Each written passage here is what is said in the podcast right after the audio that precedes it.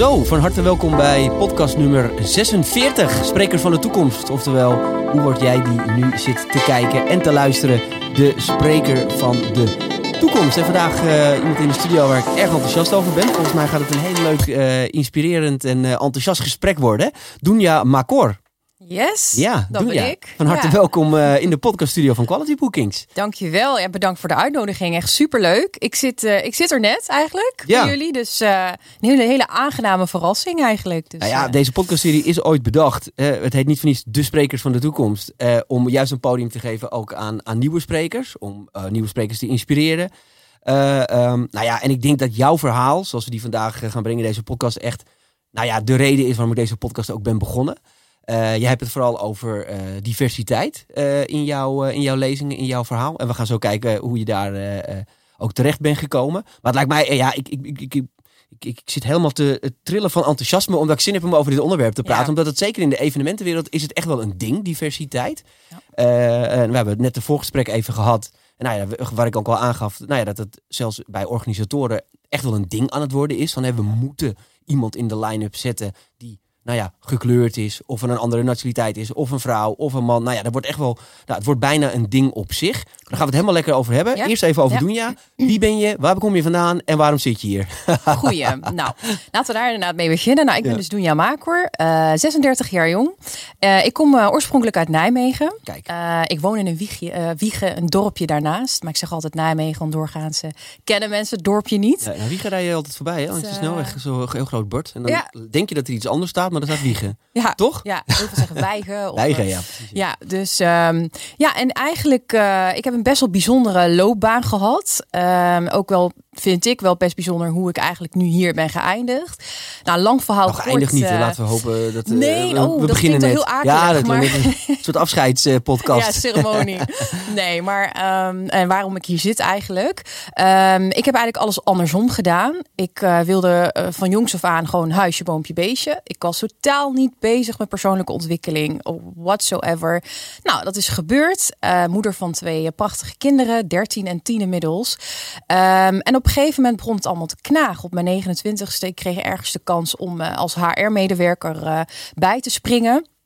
En ik, dan ook, was, het, was het dan ook een cultuursding dat, waar, dat je vroeg uh, een, een gezin wilde starten? Een beetje. Ja. Ja, ja, ik heb het eigenlijk lang ontkend. Maar het, het, als ik er echt goed over nadenk en terugga naar de, in de tijd, dan is het toch wel een ding geweest. Van, hè, het, het wordt van mij verwacht. Ja. Niet dat ik werd gepusht of, of whatsoever. Maar ik had voor mijn gevoel had ik het idee van dit is wat er van mij verwacht wordt. Um, en op een gegeven moment, uh, rond mijn 29e begon het te knagen. Ik dacht, er zit veel meer in mij. En ik kreeg dus die rol uh, op de HR-afdeling bij de organisatie waar ik toen werkte. En ik dacht echt van ja, heerlijk met mensen werken en uh, mensen inspireren. Dat was ook echt iets wat ik heel bijzonder vond om te doen. Als ik anderen hielp, dat ik ook echt hun reactie zag en dat ze er iets mee gingen doen en zelf daar ook echt van leerden. Um, en toen dacht ik van, nou, ik moet iets gaan doen. Maakt niet uit wat. Dus ik ben rechten gaan studeren. Oké. Okay. Uh, vier jaar gedaan. Anders. totaal iets anders. Maar ik kreeg wel arbeidsrecht. Uh, ik wist wel dat ik arbeidsrecht zou krijgen. Zo van, nou, ergens is er iets van een connectie. Um, uh, met, ja, maar waar, met waar HR natuurlijk veel meer gevoel is, is, is, is, is hoe heet dat recht natuurlijk veel meer gewoon de, de cijfertjes en de, en ja, de regeltjes. De wetten en ja. de interpretatie daarvan. En uiteindelijk wel. Ik heb geen spijt dat ik dat heb gedaan, want dat was voor mijn persoonlijke ontwikkeling echt heel goed. En ja. ik moest een stap zetten, omdat ik bij mezelf dacht, als ik het nu niet doe, dan ga ik het nooit doen. Mijn zusje studeerde ook rechten, dus ik zag die bundels bij haar liggen en ik dacht van, nou, ik ga het gewoon doen. Maar het is nogal wat, want je, bent, je hebt dan een fulltime baan. Je hebt, hoe heet dat, uh, twee opgroeiende kids. Ja. En dan besluit je nog uh, on the side even een rechtenstudie uh, te beginnen. Ja, klopt. Uh, ik werkte toen de tijd 16 uur. En inderdaad, oh, ja, dan, daarnaast dan nog wel, deeltijd. Wel. Dus het was nog wel te doen, inderdaad. Um, en het scheelde ook gewoon dat het, het lag mij. Ik heb schijnbaar een, een, een sterk analytisch vermogen. Ik ben heel goed met woorden. Vandaar dat ik nu ook heel veel met communicatie doe. En dat interpreteren en toepassen, daar was ik gewoon zo goed in dat het me gewoon eigenlijk heel goed afging. Totdat ik op een gegeven moment besloten om, uh, uh, toen ik mijn afstudeeropdracht moest doen en eigenlijk bijna alles praktisch gehaald had, om te stoppen. Uh, ik kreeg heel veel reacties van mensen om mij heen van ben je gek geworden, uh, vier jaar studie, geen papiertje. Maar ik, ik ben heel erg iemand van um, als iets goed voelt, dan ga ik ervoor. Ik kreeg toen een baan aangeboden uh, als recruiter bij een detacheringsbedrijf. En op een of andere manier ja, recruiter worden is niet per se iets wat, wat mensen ambiëren of waarvan ik dacht van wow, dat moet ik echt gaan doen. Maar ik dacht van ergens klopt het allemaal. Ik ga mijn studie, ik heb dat afgerond, alles gehaald. Ik kan een cijferlijst aandragen als, als een organisatie daarom vraagt. Maar ik wil gewoon nu recruiter worden, want dat gaat deuren voor me openen. Klinkt heel vreemd. Uh, nou, zo gezegd, zo gedaan. Eerste bedrijf uh, paste me niet. Het was allemaal cv's doorschuiven, niet menselijk. Tweede organisatie hetzelfde. Totdat ik bij de derde organisatie kwam, een IT-bedrijf, waarbij uh, mijn creativiteit helemaal, ik bloeide helemaal op. Ik was schijnbaar creatief, ik was goed met woorden, ik was goed met marketing, communicatie. Um, en ik was schijnbaar goed op beeld. En uh, ik kon goed uh, voor de dag komen en echt een verhaal goed uh, brengen. Nou, daar kwam ik erachter dat het spreken mij heel erg ligt. Ja. Om op die manier. Dat merken we inmiddels ook hoor. Dat het nou, je ligt. gelukkig. en dat ik op die manier mensen kon raken. Dus ik ben begonnen met vlogs maken op LinkedIn. Ja. Um, en dat, ja, dat sloeg aan. Ik deelde toen de tijd mijn kennis en ervaring als recruiter. Het ging echt over recruitment op ja, dat over recruitment. Ik wilde mensen meenemen in mijn reis als recruiter. Um, en uh, ja, dat sloeg gewoon aan. Ja. Uh, mensen vonden het interessant om naar te luisteren. Uh, en ik ging daarmee door. Totdat ik ook toen de tijd in aanraking kwam uh, met het stukje diversiteit en inclusie. En voornamelijk ook kansenongelijkheid. Het klinkt raar. Ik ben zelf een Marokkaanse afkomst. In een uh, dorpje opgegroeid. Um, vrouw, moeder. Maar ik heb eigenlijk nooit echt ervaren hoe het is om echt buitengesloten te worden. Of om gediscrimineerd te worden. Nee. Dus ik ben er zelf nooit echt mee Maar je bezig merkte dat wel uh, binnen de arbeidsmarkt. Absoluut. Dat dat gebeurde. Ja, vooral toen ik dus begon met wat ja, zichtbaarder worden op LinkedIn als recruiter, kreeg ik gaandeweg heel veel berichtjes van mensen van ja, leuk en aardig die tips van jou, maar ik ben of zwanger, of ik ben Marokkaans of Turks of Pakistaans, of ik ben islamitisch en ik word gewoon duidelijk gediscrimineerd op basis van mijn achtergrond. En dat begon zo te spelen en te knagen aan mij, dat ik echt dacht van ik moet hier iets mee doen. Ik begin een platform op te bouwen. Dus ik voelde ergens ook gewoon naast de verantwoordelijkheid ook um, ja, dat ik het voor hen ook wilde doen om anderen te helpen. Um, en in de tussentijd kreeg ik er gek genoeg ook mee te maken toen mijn zoontje een keer thuis kwam en vertelde van nou ik ben uitgescholden omdat ik Marokkaans ben en dat ik een dief ben en weet ik veel Ja. wat allemaal. En uh, toen dacht ik van nou, weet je wat, ik ga iets mee doen. Um, en tegelijkertijd dat ik dat wilde doen, uh, uh, had ik een post geplaatst dat ik was gestopt met mijn rechtenstudie uh, om iets anders te gaan doen. En dat talent, dat je daar heel ver mee kan komen en niet per se een papiertje nodig hebt.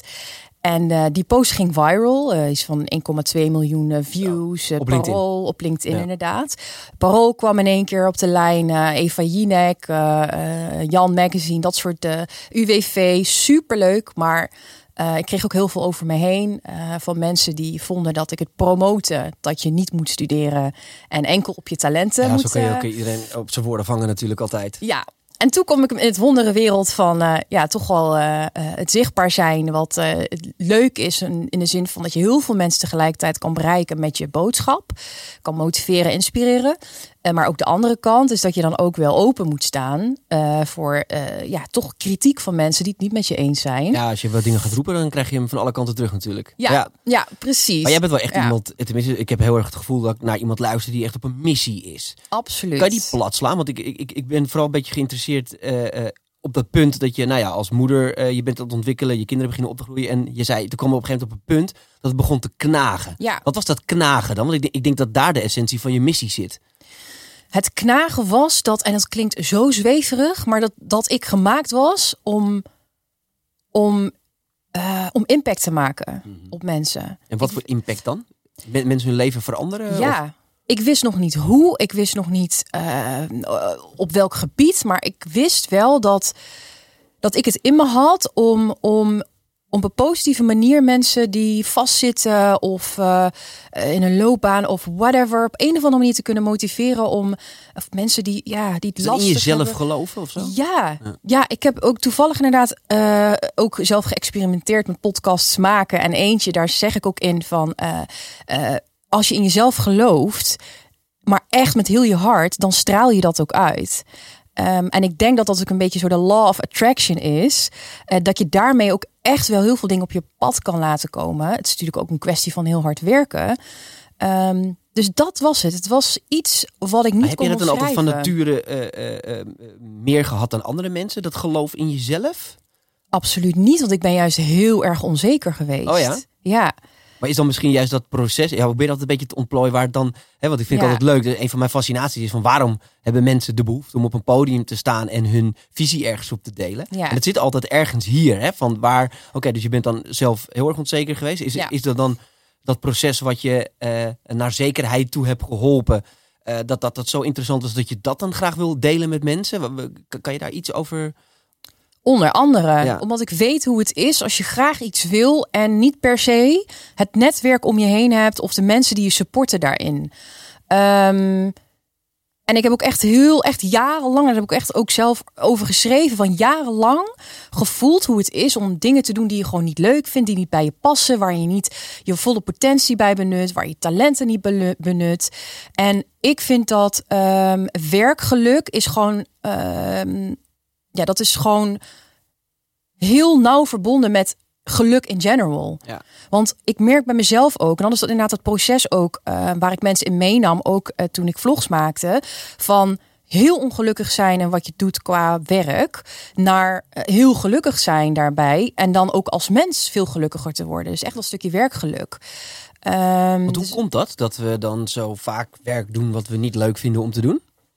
Ik denk meer dat er meerdere redenen eh, zijn daarvoor, omdat sommigen het gewoon heel lastig vinden om die stap te zetten. Eh, om, om dingen uit hun comfortzone te, te doen. Ik ben bijvoorbeeld recht gaan studeren. Nou, dat was best wel een stap voor mij. Ja. Ehm, ik heb, nou, mijn hoogstgenoten opleiding was eh, een MBO-opleiding.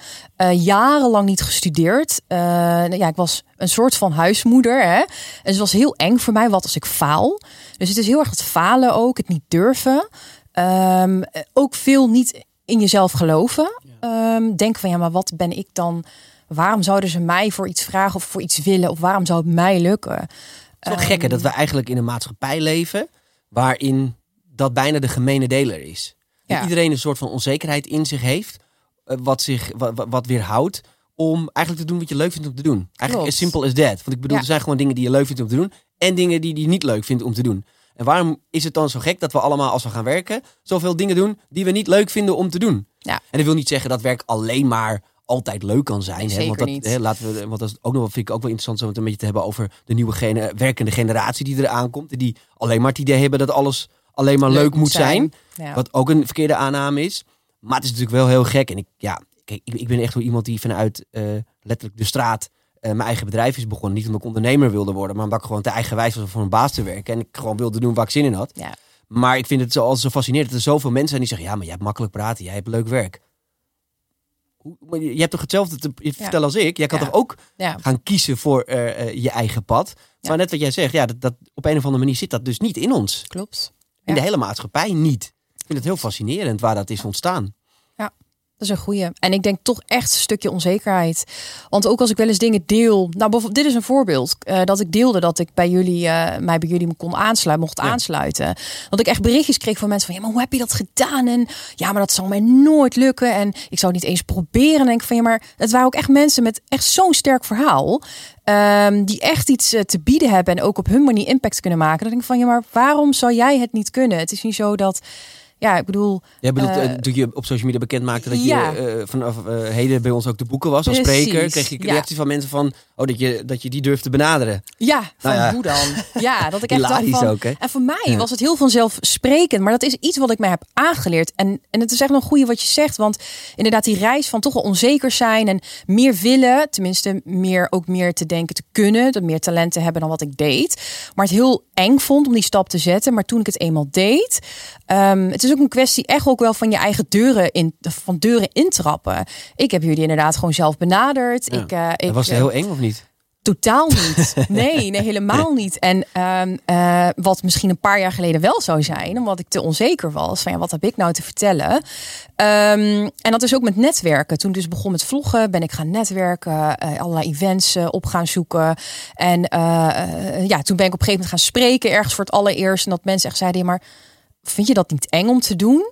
Ja, nee. Ik bedoel, ik weet wat mijn doel is nu Ja. en ik geloof in mezelf. zou je het wel eng vinden, weet je. Is, is nog steeds geen reden om het niet te doen. En dan nog, Ja. als je het eng De enige vindt. manier om het uiteindelijk niet meer eng te vinden is door het heel vaak te doen. door het te doen. Kijk, het is dat het mij gewoon ligt in de zin van dat ik mij heel erg thuis voel op een podium of om te spreken. Maar ook al eh, heb je die angst, inderdaad echt stap uit je comfortzone. Want tuurlijk zul je nee krijgen. Ik heb ook heel vaak nee gehad. ehm, eh, nee gekregen. Maar dat, dat betekent niet dat het je op een bepaald moment niet gaat lukken. Als je weet dat je een sterk verhaal hebt. Als je weet dat je iets te bieden hebt. En weet dat je talenten hebt. Ehm, en gaandeweg heb ik mensen daarin kunnen inspireren. En dat, dat, dat is echt goud waard voor mij. Ja. Dat ik mijn verhaal deel en mijn weg naar waar ik naartoe wil, eh, naar mijn doelen, dat ik eh, along the way mensen heb kunnen ja, inspireren om ook een stap te zetten. En als je dan later berichtjes krijgt van ik ben daar of daar aangenomen, of bijvoorbeeld sollicitatietips van jou, of eh, dat ze dan de stap hebben durven zetten, ja, dat is dat ja, er is niks mooiers Nee, dan dat. Het is echt jouw missie om andere mensen te helpen om ook die stappen te gaan zetten Ja. in hun leven. Eigenlijk Ja. ben je een soort voorbeeld voor, eh, voor, de, voor, voor alle mensen die je wil inspireren. Om ook zelf een keer een stap te zetten. Ja. Ik, had al, ik had de laatste toevallig met een, met een topondernemer ook over. En dit is, dit is iets wat zo vaak fout gaat. Dus we leggen allemaal zoveel aannames op de, op de realiteit neer. Hè? Van ja. Ja. maar die zit niet op mij te wachten. Precies. Ik vind het niet interessant. Wie wil mijn bedrijf nou kopen? Wie wil, eh, wie wil mijn product nou kopen? Wie zit er op mijn verhaal te wachten? En dat Ja. zijn, het zijn allemaal aannames die gewoon 9 van de 10 keer niet waar zijn. Ja, ik bedoel, ik, ik weet nog dat we van jou eh, je profiel kregen. zei ik meteen, bam, dat is tof. Want dat is precies wat we zoeken. Hè? Ja. Diversiteit, eh, een dame, nou ja, van een andere afkomst. Eh, zijn, dat zijn bij ons heel erg belangrijke dingen waar we mee werken. Dan kan jij wel thuis gaan zitten, eh, bedenken, oh ja, maar wie zit er nou op mij te wachten en waarom zou ik wel die boeken geïnteresseerd in ons zijn? Ja. En dan zit je vervolgens de rest van je leven zit je thuis te wachten. En ja, en weet je, en, als je de reactie wel terugkrijgt, is het ook prima. Oh ja, dan weet je het maar. geweest. Dan weet Ja. je het maar. Inderdaad. Dus dat is wel Ja. echt, echt iets wat ik ook iedereen wil meegeven. Ook alle ondernemers, ouder, die er maar thuis zitten. eh, en ja, ja, maar het zal wel niet. Ja. Go for it. En ik, ik liever dat iemand zegt, eh, het gaat niks worden. Juist. Dan dat ik thuis in mijn eigen hoofd ga bedenken dat het niks gaat worden. Ja. Want dan wordt het sowieso eh, helemaal niks. Zo zonde. Ja, het is doodzonde. Ja, want want- als ik dat had gedaan en jullie niet had benaderd, dan zat ik hier niet. Dus Ja, Ja. En wie, en wie had je ook niet willen missen? Dus dat is de mooiste ervaring van je Nou. leven. In de podcast studio Yes. bij Quality Bookings. die kan ik in mijn zak Ja. steken. Hey, even eh, alle gekheid op een stokje. Want ik wil even die, die stap ook maken naar dat eh, diversiteitsvraagstuk. Hè? Ja. Ehm, het is natuurlijk altijd een lastig onderwerp.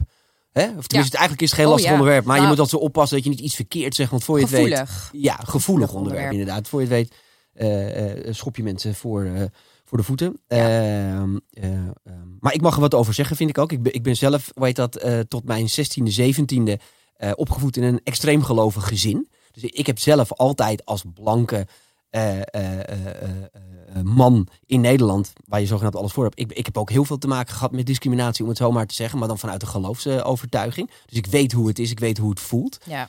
Ik ben in Almere opgegroeid. Nou, dat vertelde ik al. Dus ik heb eigenlijk alleen maar Marokkaanse en Antilliaanse, Surinaamse vrienden altijd gehad.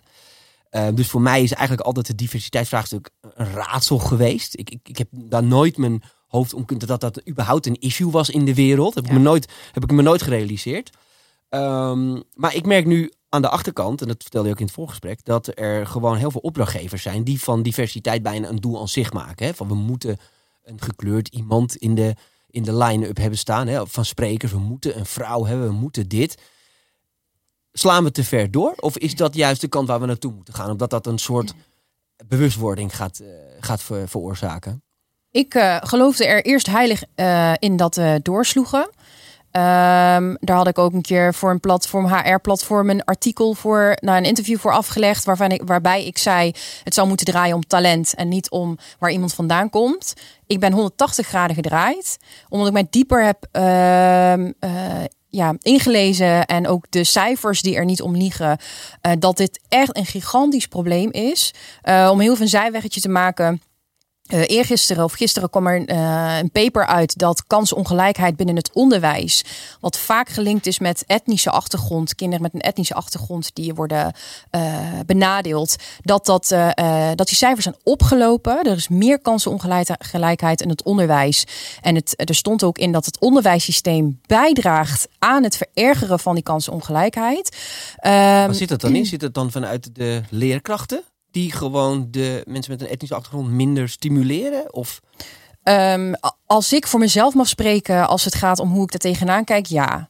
En dat is ook omdat ik in mijn omgeving het van dichtbij heb zien uh, gebeuren. Dat, dat mensen uh, een lager advies hebben gekregen dan ze uiteindelijk hebben gedaan. Hè. Dus iemand die een MBO-opleiding, MAVO. Um, advies had gekregen die uiteindelijk gewoon een universitaire studie heeft gedaan. Ook binnen mijn familie.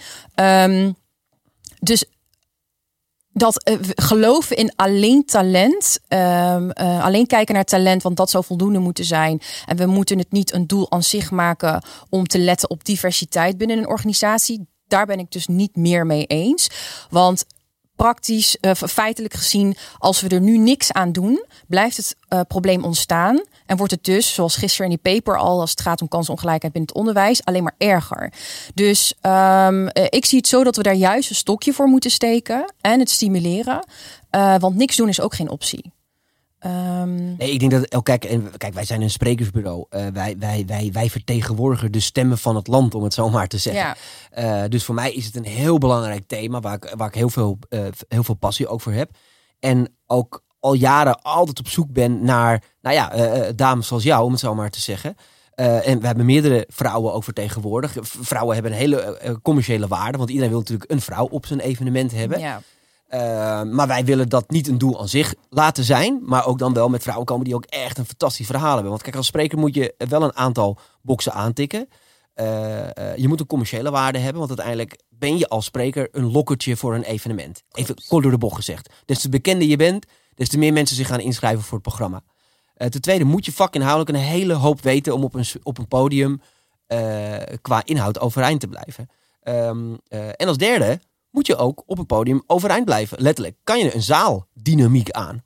Um, en dan in de praktijk helaas zijn er gewoon toch nog niet super veel vrouwen, tenminste die bij mij in ieder geval aan tafel hebben gezeten, die dat dan ook uiteindelijk lukte. Er zijn er genoeg, hè? laten we dat eerlijk zijn. Ja. Maar en dus mijn passie is het echt om die pareltjes uit de markt te halen, die te begeleiden en die een groot podium te geven. Wat een aantal keren ook al heel erg uh, goed is gelukt. Um, dus ja, ik vind dat wel. Um, uh, nou ja, zeker als sprekerbureau heb je, heb je die rol. Maar um, als ik dan jou zou vragen, waar zouden dan, waar, waar, zou je dan zelf als vrouw, als iemand van een andere, andere etnische achtergrond, dan aan kunnen werken om je eigen rol uh, in dat proces te pakken? Voor mezelf, dus hoe ik op die manier kan bijdragen. Ja, voor iedereen eigenlijk. Hè? Ja. Ja, uiteindelijk wil, is jouw missie om andere mensen te inspireren. Wat, wat zou je zelf kunnen doen om dat vliegwiel uh, te turnen?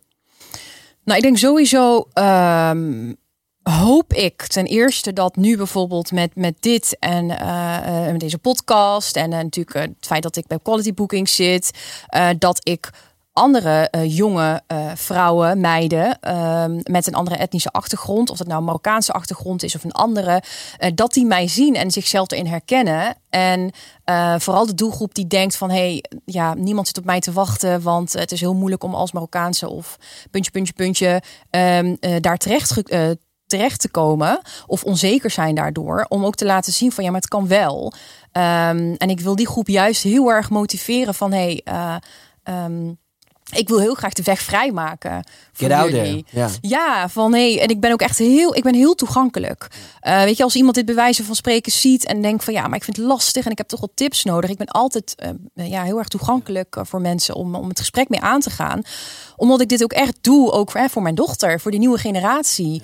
Um, en om het hun makkelijker te maken om, om, om ja, die stap te zetten. Zonder dat ze daar keihard voor moeten vechten. Omdat er zoveel vooroordelen zijn. Of omdat het gewoon lastig is. Of omdat het een mannenwereld is. Want ja, diversiteit gaat niet alleen maar over uh, Marokkanen of Turken of nee. vrouwen of mannen. Het gaat echt om, ja, het is een breedste zin van het woord. Als je gewoon niet per se past binnen de norm mm -hmm. van uh, ja, de samenleving, ja. zeg maar. Ja. ja. Want wat kan je dan, uh, even denken hoor, want hoe kunnen we deze goed um, uitdiepen? Um, kijk, je weet dat, eh, jij komt ook uit de, de arbeidsmarkt. Ja. Hè? Dat is jouw, jouw expertise. Uh, nou ja, je zegt al, als je dan. Nou, dat er nog steeds in de arbeidsmarkt dus blijkbaar discriminatie is. Dat mensen dus beoordeeld worden op hun achtergrond en niet op wat ze kunnen. Ja. Hoe, hoe kan je dat ehm, zelf voorkomen? Stel dat ik nou de arbeidsmarkt op wil als Antilliaanse of Surinaamse of Marokkaanse jongen of als vrouw of weet ik veel wat waar dan de, de aannames liggen. Hoe kan ik er dan voor zorgen dat ik toch uh, serieus genomen ga worden? Ik zou ervoor zorgen dat niemand meer om je heen kan. Ehm, en dat vergt wel sowieso ook uit je comfortzone stappen, uh, jezelf op een bepaalde manier profileren. Uh, het stukje geloven in jezelf. En om even een concreet voorbeeld te noemen. Toen ik begon met vlogs op uh, LinkedIn. Ik had bijna geen ervaring als recruiter. Maar ik zette mij neer als recruitment expert. Omdat ik vond dat ondanks dat ik geen praktijkervaring had. Ik wel die expert was. Ja. Want ik, ik, had er gevoel ja. voor. En ik wist gewoon wat mensen nodig hadden als het ging om hè, echt op zoek gaan naar. Wat wil ik nou? Omdat ik uh, die persoonlijke reis ook heb afgelegd. Um, en eigenlijk nog steeds op dat moment aan het afleggen was. Maar ik dacht, ik wil dit. Dus ik ga ervoor zorgen dat niemand om me heen kan. Ik ga artikelen schrijven, ik ga vlogs maken, ik ga van alles doen om te laten zien wat ik in huis heb. Dat zal mijn tip zijn. Maar aan de andere kant vind ik het ergens ook wel weer triest.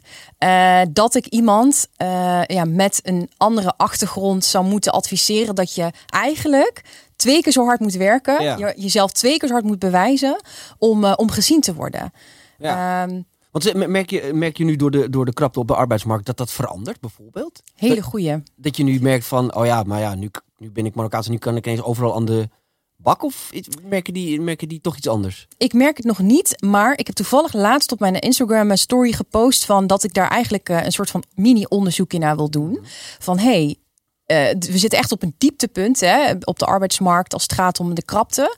Zou dit ervoor zorgen dat organisaties nu toch met. Nu wel moeten. In één Hoe vreselijk keer... is het om uit te spreken, maar. Ja, dat het in één keer ja. wel kan. Ik ben heel, wel heel erg van zowel praktijkervaringen als uh, facts en figures. Ik wil ook wel echt niet zomaar dingen roepen. Dus ik wilde nee. eigenlijk, hè, ik heb wel aangegeven van hey, ik wil het onderzoeken. Ik wil weten of, of dit daadwerkelijk uh, hè, iets met de cijfers heeft gedaan. Of iets met de denkwijze van organisaties.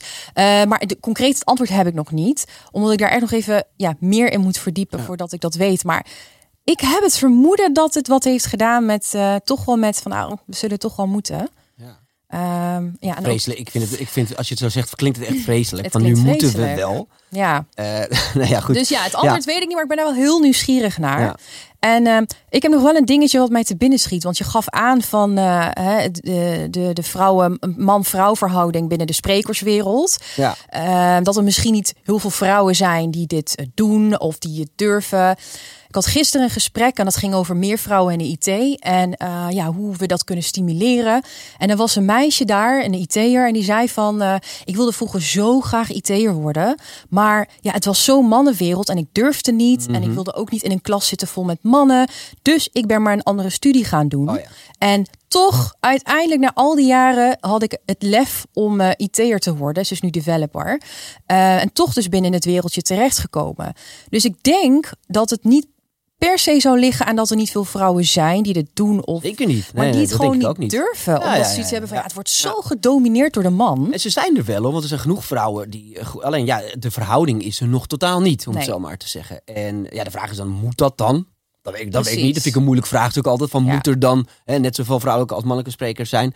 Eh, nou ja, weet je, kijk, als je, als je gaat kijken naar het, het totaalplaatje van diversiteit, dan zou je zeggen ja, want des te meer vrouwen op het podium staan, des te meer dat zal de diversiteit zal bevo- eh, be- bevorderen, om het zo maar te zeggen. Ja, Ehm, dus ja, weet je, eh, alle vrouwen die nu zitten luisteren en denken, eh, ik durf het niet, doe het gewoon. Zeker. En kom naar voren. ja. En wij zijn ook een partij die echt graag mensen daarin eh, in begeleiden en helpen om, om ook dat podium te pakken. Ehm, dus ik denk dat dat wel heel erg belangrijk is. Maar dat geldt overigens voor alle, eh, nou ja, eh, wij, wij hebben ook bijvoorbeeld een transgender in onze eh, portfolio zitten. Nou ja, niet, niet omdat het een transgender is, maar omdat ze gewoon een fantastisch verhaal eh, heeft. En dat graag naar, naar het podium eh, wil, eh, wil brengen. En ik denk dat dat heel erg belangrijk is. Ik denk dat dat, dat is denk ik uiteindelijk zijn, ik, ik heb wel eens gekscherend genoemd, de sprekers van deze tijd zijn toch een beetje de, de dominees en de priesters van vroeger. We hebben toch als rol om mensen te inspireren. Wat me wel nog fascineert, want kijk, jij bent natuurlijk wel, jij hebt natuurlijk wel een soort bovengemiddeld lef. Hè, laten we eerlijk zijn, hè, om, om jezelf zo te, te durven positioneren. Je hebt een bijna een soort aangeboren gevoel voor personal branding. Hè, hoe je Ja. jezelf positioneert en hoe je dat doet. Dat heeft natuurlijk niet iedereen. Klopt. Ehm, ehm, maar dat is bij jou ook niet vanzelf gegaan. Wat zijn de eerste stappen die iemand zou kunnen nemen om, eh, om dat te ontwikkelen bij zichzelf? Want dat is natuurlijk wel heel erg belangrijk, omdat je toch redelijk snel in je, in je kokonnetje gaat zitten en niet naar buiten eh, durft te gaan vanuit al die, al die aannames in je hoofd. Klopt. Mijn allereerste advies zou zijn: ga met iemand in gesprek waar je je en comfortabel bij voelt, die die kennis heeft om jou uh, ja, op weg te helpen, om die eerste, om dat eerste zetje te geven. Want dat is wat ik nu ook doe. Um, eigenlijk met heel veel dingen die ik doe qua werk. Uh, ik werk nu bijvoorbeeld uh, ook bij een IT-bedrijf als community manager. Daar doe ik van alles omtrent. Community manager. Ja. Oké. Ja, ja, ja. En ik ben daar onder andere ook bezig met uh, een community creëren rondom uh, een Is dat gewoon een hippe HR-term, community? Uh, nee. Of is dat gewoon echt iets bijzonders? Het is letterlijk een community creëren. Okay. Ik ben dus nu dus onderdeel van een heel mooi platform, She's an IT Rockstar, waarbij we dus stimuleren om meer vrouwen in de IT te krijgen. En dat mm. begint echt op de basisschool al. Um, en, want, heel, um, want waarom is dat nodig? Waarom dat nodig is? Um, de om heel veel redenen, maar voor mij is een hele belangrijke reden is dat diverse teams presteren gewoon beter. Daar is onderzoek naar gedaan. Um, het vraagt ook om, om je een beetje te plagen. Want ja. ik vind het altijd wel altijd ja, altijd de vraag die. Nou? Ja, waar, ja, maar waarom moet? Want dan hoor ik iemand geen een doelstelling. Ja, we moeten dit en inderdaad. Ja. Denk ik, maar waarom, waarom eigenlijk? Ja. He, ik weet, deze, hier wist ik natuurlijk ook wat antwoord op. Maar het is meer ook af en toe zo aan te gaan. Soms lijkt het wel alsof mensen dan een soort van doel aan zich maken. Ja. En dat, dat steekt ook dan zijn doel weer voorbij, zeg maar. Zeker, ja. want het zou niet het doel moeten zijn.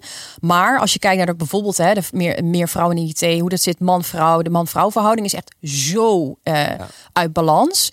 Um, en je merkt gewoon echt dat, uh, gisteren was ik dus in gesprek met haar en uh, we zaten in een groepje en zij was volgens mij, er waren maar, ja, dat was de enige vrouw van een groepje van, wat is het, misschien 15 nieuwe medewerkers. Um, en we gingen het dialoog met elkaar aan, heel open. En er was dus echt iemand die zei inderdaad van, ja, maar waarom moet het waarom is het nodig? En in het gesprek, nou, zij zat er als vrouw, dus zat er iemand met een Marokkaanse achtergrond, er zat er iemand met een Pakistaanse achtergrond, een Nederlandse, iemand een Nederlandse achtergrond. Uh, en je merkte heel erg dat iedereen vanuit zijn eigen uh, point of view um, input gaf.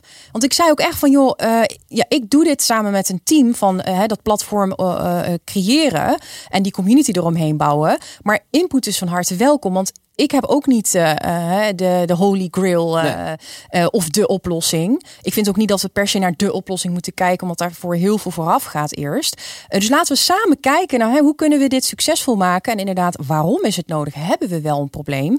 En je zag zo mooi dat iedereen vanuit een eigen point of view allerlei ja, input had waarvan ik zelfs nog dacht van wow, dat ik daar niet aan heb gedacht. En dat is het ultieme voorbeeld van waarom een divers team het beste pre presteert. Waarom dat ook echt heel veel dynamiek uh, um, creëert. En het is ook een stukje werkgeluk. Je ziet ook echt wel als mensen zich thuis voelen uh, en ook anderen zien die op hun lijken, laat ik het zo zeggen. Dus niet alleen maar uh, cliché witte mannen uh, met grijs haar en een uh, strak pak. dat je je dan ook gewoon veilig voelt. Ja. En gehoord en gezien voelt. Um, dus dat was heel mooi. En, en om die vertaalslag te maken naar het, naar het spreken, denk ik dus echt dat er gewoon heel veel vrouwen zijn die het willen. Maar bij voorbaat al zeggen, ja, maar dat gaat me sowieso niet lukken. Het, is, het wordt gedomineerd door de man. Dus ik denk wel dat het ook een beetje aan uh, ja, de kant van degene die het al doen, of sprekersbureau, daar ook al een beetje een soort van, nou ja, niet per se verantwoordelijkheid ligt, maar ja, dat er ook wel wat te behalen valt om die vrouwen juist te stimuleren Zeker. Ja. Uh, om zich aan te melden. Ja. Nou ja, goed. Ik, ik, ik, ik, hoop dat wij dat in ieder geval uitstralen, dat we dat, uh, dat we dat doen. Ik hoop dat iedereen die verantwoordelijkheid op zich neemt. Ook, maar ook de organisatoren van congressen hè, natuurlijk. Want ja. uiteindelijk zijn wij ook altijd maar gewoon in de opdracht van een partij aan het uh, werk die, uh, die iets organiseert. Ja. Maar uiteindelijk is het natuurlijk een missie die we met z'n allen moeten, moeten volbrengen. Als jij nu uh, ergens geboekt wordt zelf als spreker, hè, hoe, hoe ziet jouw programma eruit dan? Wat, wat, wat, kan, wat kan een opdrachtgever van jou verwachten? Heel verschillend eigenlijk. Uh, zo geef ik bijvoorbeeld uh, workshops over hoe je jezelf het beste kan pitchen. Uh, maar mijn expertise ligt al het meest inderdaad op het stukje kansongelijkheid, diversiteit en inclusiviteit. Nou, om een voorbeeld te noemen, ik heb binnenkort ben ik gespreksleider. Dus een soort van dagvoorzitterschaprol, ja. maar wel echt ook wel een, een, een rol waarbij ik ook wel het gesprek stuur. En dat komt ook omdat ik zelf die, die, die achtergrond heb. en dat is een opdracht vanuit het ministerie van Sociale Zaken en Werkgelegenheid. En dan gaan we in gesprek met diverse wethouders, met gemeentes. Ehm, en uh, daarbij gaan we dus die problematiek aanpakken in de zin van uh, niet dus niet meteen naar de oplossing willen, maar eerst te beginnen met wat is het probleem? Uh, hebben we, vinden jullie dat we überhaupt een probleem hebben als het gaat om mhm. kansenongelijkheid op de arbeidsmarkt? en beginnen met een stukje bewustwording. En daarin is mijn taak om ook echt vanuit de ja, mijn rol als recruiter en eigenlijk ook als een soort van uh, um, ja, namens de kandidaten die worden uh, benadeeld te spreken van joh, het probleem is echt en de cijfers liegen er niet om. En op die manier het gesprek met elkaar aan te gaan. Dus echt bewustwording uh, creëren op dat vlak. Klinkt wel alsof je programma's wel heel interactief zijn in ieder geval ja, ook. Zeker. Het is niet alleen maar dat je op het podium staat en een uur lang je verhaal vertelt. Nee, want ik ben er ook niet om, om organisaties of mensen die naar een talk van mij komen luisteren te vertellen dat we een probleem hebben en daarover te klagen. Um, ik vind het ook leuk om een stukje humor te gebruiken, ook in mijn uh, talks. En op die manier gewoon echt uh, ja, ook een beetje het, het ijs te breken. Want het is een serieus onderwerp. Maar weet je, dat we moeten stoppen met vingers wijzen. We moeten stoppen met uh, de problematiek is er. De schuld te zoeken. De schuld te zoeken. Maar laten we nou eens even met z'n allen gewoon kijken naar ja, wat is er eigenlijk aan de hand? En er zijn gewoon heel veel organisaties die zich gewoon totaal niet bewust zijn van het hele.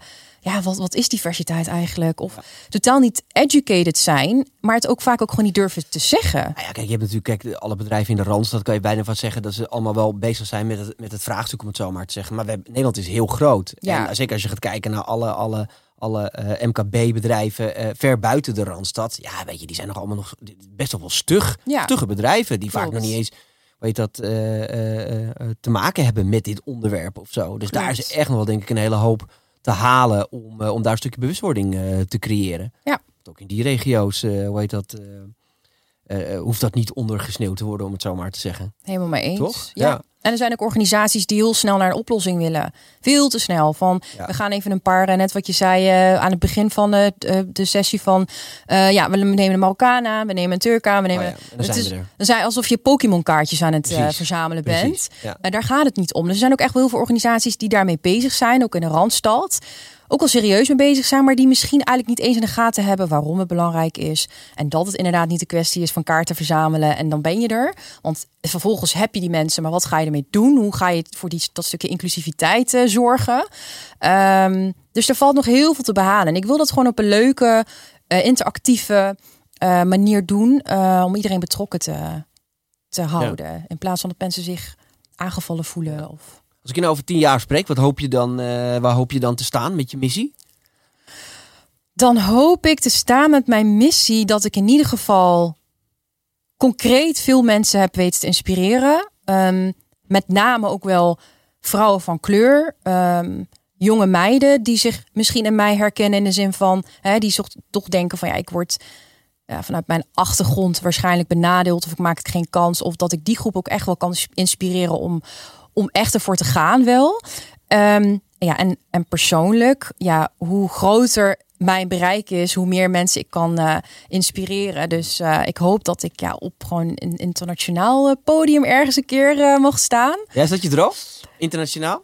Ja, ja, dat zeker wel. Ja, ik zou ook in Marokko wel een keer wat willen doen. Leuk. Ja, en dat is niet het doel aan zich om internationaal ergens, maar het is toch dat je meer mensen kan bereiken. En dat, uh, echt een olievlek uh, creëren. Een olievlek. Ja, dat is verhaal. Ja, ja. Nou, ik wens je veel bereik. Dankjewel. nee, maar even tot, tot slot. Dat vind ik nog wel belangrijk om even aan te houden. Want we zijn bijna door de tijd heen. Ja. Um, maar als je nu gaat kijken een beetje naar de nieuwe... Hè, want je, je, je HR is jouw achtergrond. Dus jij weet hier, moet hier alles van weten. Als je nu een beetje gaat kijken naar de nieuwe instroom. Hè, de nieuwe generatie instroom uh, aan, aan, aan, aan medewerkers. ben ik een oude man als het op mij overkomt dat die een ander soort werkethiek hebben? Of is dat ook echt iets wat op dit moment uh, in de markt gaande is? En dan doe je denk ik op hè, het stukje van uh, dat werk heel leuk moet zijn. Nou ja, instant, het moet leuk zijn. Ja. Weet dat, uh, het, het, je hebt, ik heb toch het idee dat iedereen tegenwoordig snel heel erg rijk wil worden, maar zo min ja. mogelijk passief geld. Hè, allemaal, passief allemaal van die inkomen. hippe, passief inkomen, van die hippe ja. trends. Dat we allemaal weten ook dat je, nou ja, zoals een relatie, maar ook als een carrière, moet je gewoon heel hard werken uh, om, om uiteindelijk iets, iets te bereiken. Ja, absoluut. Um, uh, maar, maar, maak jij je er zorgen over?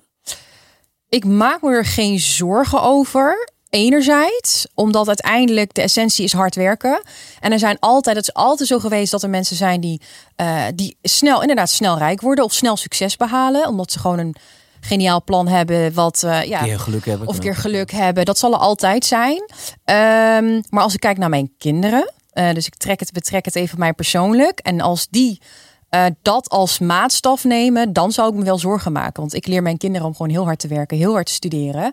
Uh, ook al ben ik zelf gestopt met mijn studie op een gegeven moment, uh, stimuleer ik ze om echt te studeren. Um, en dus ik als het echt een, een trend zou worden in de zin van dat dit door zou zetten, dat werk altijd maar leuk moet zijn. En ik denk ook dat het juist ook voor heel veel onzekerheid zal zorgen bij, bij jongeren die dit zien. Dat dat succes en dat hè, remote werken, Bali en palmbomen. En dat dat misschien ook best wel nadelig kan zijn, uh, ook voor de gemoedstoestand van mensen. Want het is gewoon totaal niet de realiteit. Nee, nee. De realiteit blijft hard werken. Uh, en uh, in jezelf geloven, dat blijf ik zeggen. En dat snelle geld verdienen en het snelle succes, ja, dat, daar geloof ik gewoon niet in. Dus ik hoop dat het een trend is nu, maar dat het niet, niet zal voortzetten op de, deze manier. Waarbij ik wel vind dat ik het heel goed vind dat er heel veel jongeren zijn die zeggen van hè, een vijf-urige werkweek, een vijf, uh, werkweek van vijf dagen, 40 uur werken, altijd beschikbaar zijn. Um, ik wil wat meer tijd maken voor mezelf. Dat vind ik een hele goede beweging, omdat uh, het moet ook niet doorslaan. Hè, dat we leven, wat is dat? We leven niet om te werken, maar werken om te leven of andersom. Uh, dat ik dat ook heel belangrijk vind. Dus um, balans. Balans. Zolang er balans is, um, is het goed. Maar hard werken, dat is gewoon, zo kom je er in mijn optiek. En ja, als je een keer snel succes hebt, hartstikke leuk, maar het is niet de realiteit. Het is niet hoe het doorgaans in elkaar zit. nee. Ik uh, sluit me volledig bij aan. Ik ben het heel met je eens. Ik wil je onwijs bedanken voor, uh, voor, de, voor je tijd voor deze podcast. zoals ik aan het begin al zei, wat mij betreft ben jij de spreker van, van de toekomst. En hoop ik dat wij jou kunnen helpen in je missie. En dat we over een paar jaar erover hebben van, goh, weet je nog dat je vroeger uh, geen vrouwen op een congres had staan? Nou, dat kan toch tegenwoordig echt niet ja. meer. Ja. Dat we er een beetje om lachen met z'n Dat zou heel mooi zijn. Dat is echt, uh, ja, mijn doel. Dankjewel. Ja, dank je. Jullie allemaal bedankt uh, voor het kijken en luisteren weer naar deze podcast 46. volgende week 47, want ja, we gaan, gewoon, we gaan gewoon door met een volgend interview. Hou vooral onze website in de gaten. Uh, www.quality-bookings.nl en al onze social media kanalen tegenwoordig op TikTok, Instagram, YouTube, uh, Facebook, LinkedIn. Overal zijn we vertegenwoordigd. Dus uh, hou het lekker in de gaten voor nog veel meer inspirerende podcasten. Dankjewel.